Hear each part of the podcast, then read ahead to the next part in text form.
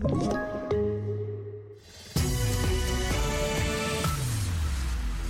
TV4-nyheterna börjar med att runt 350 personer samlades idag i Tyresta nationalpark i södra Stockholm för att leta efter den 31-åriga försvunne yrkesmilitären som varit försvunnen sedan den 12 november.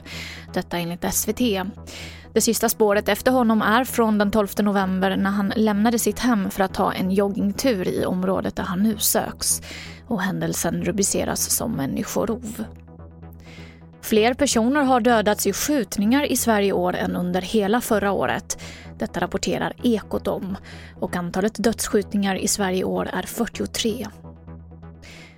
Det är missförhållanden på många HVB-hem i Sverige. Det finns 1000 HVB-hem i landet och förra året fick en femtedel av hemmen kritik av IVO. Detta enligt en granskning som SVT Nyheter har gjort.